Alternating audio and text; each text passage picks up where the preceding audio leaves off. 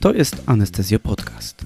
Źródło nowinek i praktycznych porad przygotowanych z myślą o specjalistach, rezydentach i pasjonatach anestezjologii. Mam na imię Szymon, a oto co dzisiaj dla Was przygotowałem. Cześć, zapraszam do przeglądu marcowej prasy. Jak pewnie wiecie, dzieje się bardzo dużo, oj dzieje się. Oczywiście tematem numer jeden jest COVID-19, jednak w anestezjologicznej prasówce tego tematu poruszać nie będę z kilku względów. Po pierwsze, ilość nowych informacji jest ogromna i trudno za nią nadążyć. Po drugie, informacje te często są ze sobą sprzeczne. Po trzecie, popieramy postulat profesora Radosława Owczuka, konsultanta krajowego do spraw anestezjologii i intensywnej terapii, o zachowaniu dużej powściągliwości w doborze materiałów na temat koronawirusa SARS-CoV-2 ponieważ często są one niesprawdzone lub są tylko luźnymi propozycjami. Zapraszam na stronę internetową konsultanta krajowego konsultant.it.gumet.edu.pl. Link w opisie. Polecam również materiały ukazujące się na profilu intensywna.pl, czyli na fanpage'u prowadzonym przez medycynę praktyczną oraz fanpage Critical USG. Na naszej stronie laryngoskop.eu znajdziecie kilka materiałów, które mogą Wam ułatwić pracę. Staszek przygotował podcast wraz z pomocną ściągą ARDS-ie, przedstawił przykładowy sposób na zorganizowanie oddziału intensywnej terapii na czas epidemii oraz nagrał poradnik o wentylacji mechanicznej w ARDS-ie i COVID-19, dedykowany nieanestezjologom w przypadku sytuacji podbramkowej. Ja natomiast przetłumaczyłem dla Was dzienną listę kontrolną z Sheffield Wielkiej Brytanii, która również może się przydać nieanestezjologom, oraz wraz z zespołem z Uniwersytetu Medycznego w Poznaniu przetłumaczyliśmy wytyczne Surviving Sepsis Campaign postępowania u krytycznie chorych dorosłych w COVID-19. Chciałbym zapoznać Was z wynikami badania SOLAR, The Saline or Lactated Ringus Trial, które znajdzie się w kwietniowym wydaniu Anesthesiology. W tym odcinku telenoweli płynowej porównano wspomniane dwa płyny wobec częstości powikłań pooperacyjnych, to jest np. śmiertelność wewnątrzszpitalna, powikłania narządowe, w tym nerkowe czy zaburzenia krzepnięcia, u pacjentów poddawanych operacjom planowym na jelicie grubym oraz zabiegom ortopedycznym. Autorom udało się zgromadzić pokaźną grupę 8616 pacjentów, rozdzielonych prawie porówno do każdej z grup. Podczas zabiegu chorym przetoczono około 1,9 litra płynu. Groźne powikłania wystąpiły u 5,8% pacjentów z ringerem i 6,1% z solą fizjologiczną.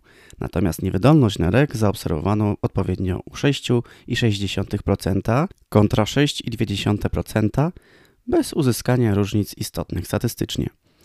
Autorzy zatem hura optymistycznie stwierdzili, że u pacjentów niekardiochirurgicznych nie ma istotnej różnicy w częstości powikłań.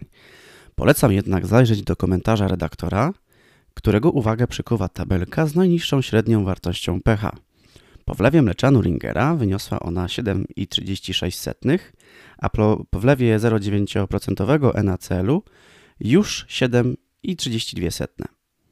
Obecnie wiadomo, że sól, tak zwana w cudzysłowie fizjologiczna, powoduje kwasicę hiperchloremiczną ze względu na duży ładunek chloru, czego efekty widoczne już są po przetoczeniu niespełna 2 litrów płynu. Bardzo często śródoperacyjnie przetacza się większe objętości płynów. W związku z tym wniosek z badania SOLAR mógłby brzmieć tak, że przetaczanie soli fizjologicznej śródoperacyjnie w niewielkich ilościach nie wiąże się z większym ryzykiem komplikacji w porównaniu do mleczanu Ringera, natomiast daje już pierwsze wykładniki kwasicy hiperchloremicznej w badaniach laboratoryjnych. Na marginesie, kwasica hiperchloremiczna powodowana przez 0,9% NaCl powoduje kompensacyjną hiperkalemię, w związku z czym u chorych z wyjściowym wysokim stężeniem potasu lepiej jest podawać roztwory PWE, ponieważ pomimo pewnej zawartości potasu jest ono i tak niższe od stężenia jego w surowicy, powodując rozcieńczenie i obalając tym samym rozpowszechniony wśród medyków mit. Zaciekawiła mnie praca dotycząca wykorzystania USG w rozpoznawaniu powikłań lub niewłaściwego położenia cewnika po założeniu wkłucia centralnego. Zastosowanie USG do identyfikacji struktur anatomicznych oraz do prowadzenia igły stają się w coraz większej ilości ośrodków standardem. Ultrasonografia umożliwia także wykluczenie złego położenia cewnika oraz odmył płucnowej. Dowodem na to może być holenderskie badanie prospektywne obejmujące 758 zabiegów przedstawionym badaniu protokół potwierdzenia położenia kaniuli obejmował obustronną inspekcję żył szyjnych wewnętrznych lub podobojczykowych, następnie ocenę prawego przedsionka i prawej komory z podaniem 5 ml soli fizjologicznej zawierającej pęcherzyki powietrza, tak zwane agitated saline. Powietrze w ultrasonografii działa jak kontrast, w związku z czym strumień wpadający do serca jest dobrze widoczny. Za poprawne położenie kaniuli uznaje się pojawienie pęcherzyków lub przepływ turbulentny w prawym przedsionku w ciągu 2 sekund od podania płynu. Nieprawidłowe położenie odnotowano w 23 przypadkach.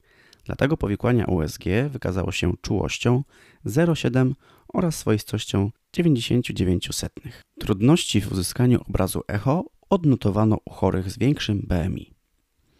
Rozpoznawanie odmy opłucnowej wykonywano zgodnie z protokołem Blue. Poszukiwano objawu ślizgania oraz obecności linii B. W przypadku ich braku poszukiwano lung pointu.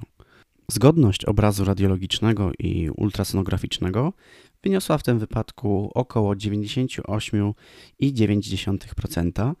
E, większą skutecznością wykazało się USG.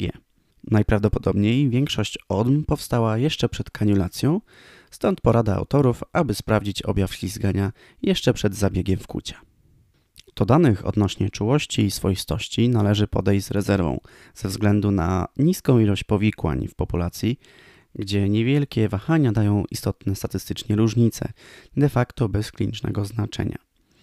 Jedną z mocnych stron badania, według autorów, jest zaangażowanie wielu lekarzy. Jest to badanie wieloośrodkowe. Razem z dobrymi wynikami wskazuje to na fakt, że USG jest stosunkowo prostym do przyswojenia narzędziem pracy. Wydaje się też, że można je wykorzystywać jako pierwszorzutowe narzędzie kontrolne po kaniulacji. Jeśli ocena położenia cewnika jest trudna, np. ze względu na otyłość, warto wtedy od razu skorzystać z RTG. W wykrywaniu odmy płucnowej, zgodnie z wieloma publikacjami, e, sprawdzi się lepiej ultrasonografia.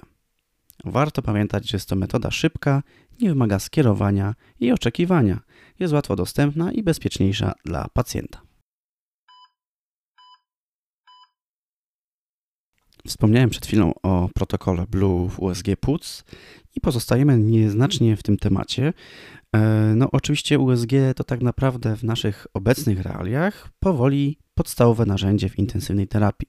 Materiały edukacyjne znajdziemy na wielu stronach, w związku z tym każdy ma możliwość dokształcania się w tej dziedzinie o ile ma do dyspozycji głowicę, którą może gdzieś przyłożyć. USG każdy robić może, jeden lepiej, drugi gorzej. Tak moglibyśmy teraz zaśpiewać w naszych czasach. Kiedy początkujący ultrasonografista nabywa umiejętności, które pozwolą mu na samodzielne badanie pacjentów. Proszę bardzo, wieloośrodkowe badanie 100 rezydentów i specjalistów techników wentylacji, tzw. Tak respiratory therapists oraz intensywistów, którzy nie mieli wcześniejszego doświadczenia z USG płuc, zostali przeszkoleni przez 18 ekspertów. Główny cel badania? Ilu badań pod nadzorem trzeba, aby uzyskać podstawowe umiejętności i ocenę płuc? I pod tym pojęciem e, rozumie się ocenę partii płuc z prawidłowym upowietrznieniem czy ocenę konsolidacji. W ramach kursu każdy uczestnik wykonał 25 badań pod nadzorem eksperta z oceną postępu co każde 5 badań. W ocenie końcowej uczestnicy opisywali prawidłowo średnio około 80% partii płucnych, wobec czego uznano te 25 badań pod nadzorem jako punkt odcięcia. Z ciekawostek, czas badania przez eksperta wynosił średnio 8 do 10 minut, natomiast czas badania przez uczestnika zmieniał się z 19 minut na początku po piątym badaniu do 12 minut po 25 badaniu. E, tak w ogóle przypomina mi się dosyć głośne badanie sprzed paru lat, w którym porównano skuteczność wykrywania różnych patologii kardiologicznych przez studentów wyposażonych w USG i doświadczonych kardiologów ze stetoskopami. Studenci po krótkim szkoleniu byli w stanie wykryć 75% nieprawidłowości, gdzie kardiolodzy tylko 49%. Idziemy z duchem czasu, drodzy studenci, drodzy lekarze, ratownicy, pielęgniarki. Dobre poradniki dotyczące USG płuc w języku polskim znajdziecie na stronie Critical USG. Jednym z lifehacków, które krążą od pewnego czasu w medycznym świecie, jest e, Double Sequential Defibrillation, czyli tłumacząc na nasze podwójna defibrylacja sekwencyjna, a mówiąc prościej, defibrylacja z wykorzystaniem dwóch lub więcej nawet urządzeń jednoczasowo lub z niewielkim opóźnieniem w opornym migotaniu komór. O metodzie tej wspominają wytyczne ELS Europejskiej Rady Resuscytacji z 2015 roku, jednak ze względu na ograniczone dane naukowe jej użycie nie jest rutynowo zalecane. W prasie medycznej pojawiają się kolejne case reporty skutecznego zastosowania Double Sequential Defibrillation. Jedna z moich ulubionych stron, Rebel EM, omawia świeżą metaanalizę powstałą na 39 case'ach, gdzie zastosowanie DSD było skuteczne, a 25% pacjentów wypisano do domu w dobrym stanie neurologicznym. Oczywiście należy podejść do tego z rozwagą, metaanalizując takie badania, takie case'y, ponieważ procedura DSD może być wykonywana na milion różnych sposobów. No, może trochę mniej niż milion, ale na pewno jest ich dużo. W związku z tym mamy dużą ilość zmiennych. Na szczęście w tym opracowaniu wspomina się także o badaniu randomizowanym, czyli tym typie badań, które kochamy najbardziej. Na ten moment jest to badanie pilotażowe. Przeprowadzono je w Kanadzie na grupie 152 pacjentów, którymi zajmowały się zespoły ratownictwa medycznego. Poszczególnym zespołom losowo przydzielono jedną z trzech metod postępowania z opornym migotaniem komór. Kontynuowanie standardowych wyładowań z elektrodami w ułożeniu przedniobocznym jako pierwsza, jako druga przełożenie tych elektrod do ułożenia przedniotylnego lub trzecie, czyli podwójne wyładowanie z opóźnieniem, czyli w sekwencji z elektrodami w ułożeniu przedniotylnym. Za oporne migotanie komór uznawano takie, które utrzymywało się po trzech defibrylacjach. Z badania wykluczano pacjentów z mechanizmem urazowym zatrzymania krążenia, innymi niż kardiologicznymi przyczynami zatrzymania krążenia, takimi jak próba samobójcza, przedawkowanie oraz zapisami DNR. Przerwanie migotania komór możliwe było w około 67% przypadków traktowanych standardowo.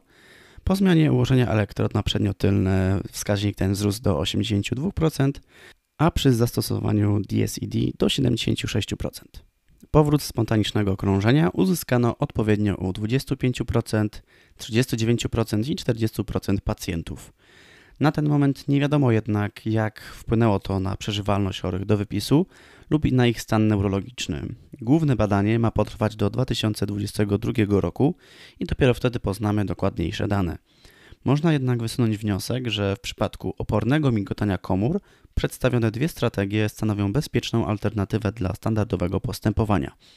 Jeśli nie dysponujemy drugim defibrylatorem, zmiana ułożenia elektrod może przynieść podobny, może nawet i lepszy efekt. Zachęcam do przeczytania opracowania na Rebel EM, gdzie jak zwykle znajdziemy dokładny rozkład badania na czynniki pierwsze ze szczególnieniem słabych i mocnych stron. U chorych z uszkodzeniem kręgosłupa szyjnego i koniecznością jego stabilizacji, intubacja dotkawicza stanowi spore wyzwanie ze względu na ograniczenie ruchomości kręgosłupa i możliwość odgięcia głowy. Z tego względu laryngoskopia bezpośrednia nie jest dobrą metodą do intubacji. Zamiast tego sugeruje się korzystanie np. z wideolaryngoskopii. Część dostępnych urządzeń jest bardzo podobna do tradycyjnych laryngoskopów. Część ma formę sztywnych prowadnic, które przypominają bardziej zagięte fibroskopy odpowiadają koreańscy anestezjolodzy. W ich badaniu zgromadzono 367 pacjentów poddawanych planowym zabiegom na kręgosłupie szyjnym, z czego 183 intubowano za pomocą wideolaryngoskopu McGrath-Mac, 184 wideoprowadnicą Optiscope. Wyższą skuteczność pierwszej próby intubacji wykazano dla wideolaryngoskopu McGrath 92% kontra 81% dla prowadnicy Optiscope. Również czas intubacji był tutaj istotnie krótszy, odpowiednio około 36 sekund plus minus 28 kontra 49 sekund plus minus około 44 sekundy. Obie grupy nie różniły się za to istotnie pod względem powikłań intubacji. Najczęstsze z nich to ból gardła około 21-25% pacjentów oraz chrypka około 8% pacjentów. Wyniki tego badania wskazują na Odwrotny wniosek niż w badaniach, w których intubacja wykonywana była u pacjentów w kołnierzu szyjnym. Manualna stabilizacja pozwala na lepsze otwarcie ust, dzięki czemu łatwiej jest włożyć stosunkowo dużą łyżkę wideolaryngoskopu. Ze względu na swoją budowę, to jest układ optyczny na szczycie części wkładanej do ust, sztywne prowadnice optyczne są łatwiej podatne na zabrudzenie przez wydzieliny obecnej w jamie ustnej, co wydłuża czas procedury. Dodatkowo ruch unoszenia nagłośni wykonywany przez rękę trzymającą wideolaryngoskop jest właściwie taki sam jak laryngoskopem tradycyjnym.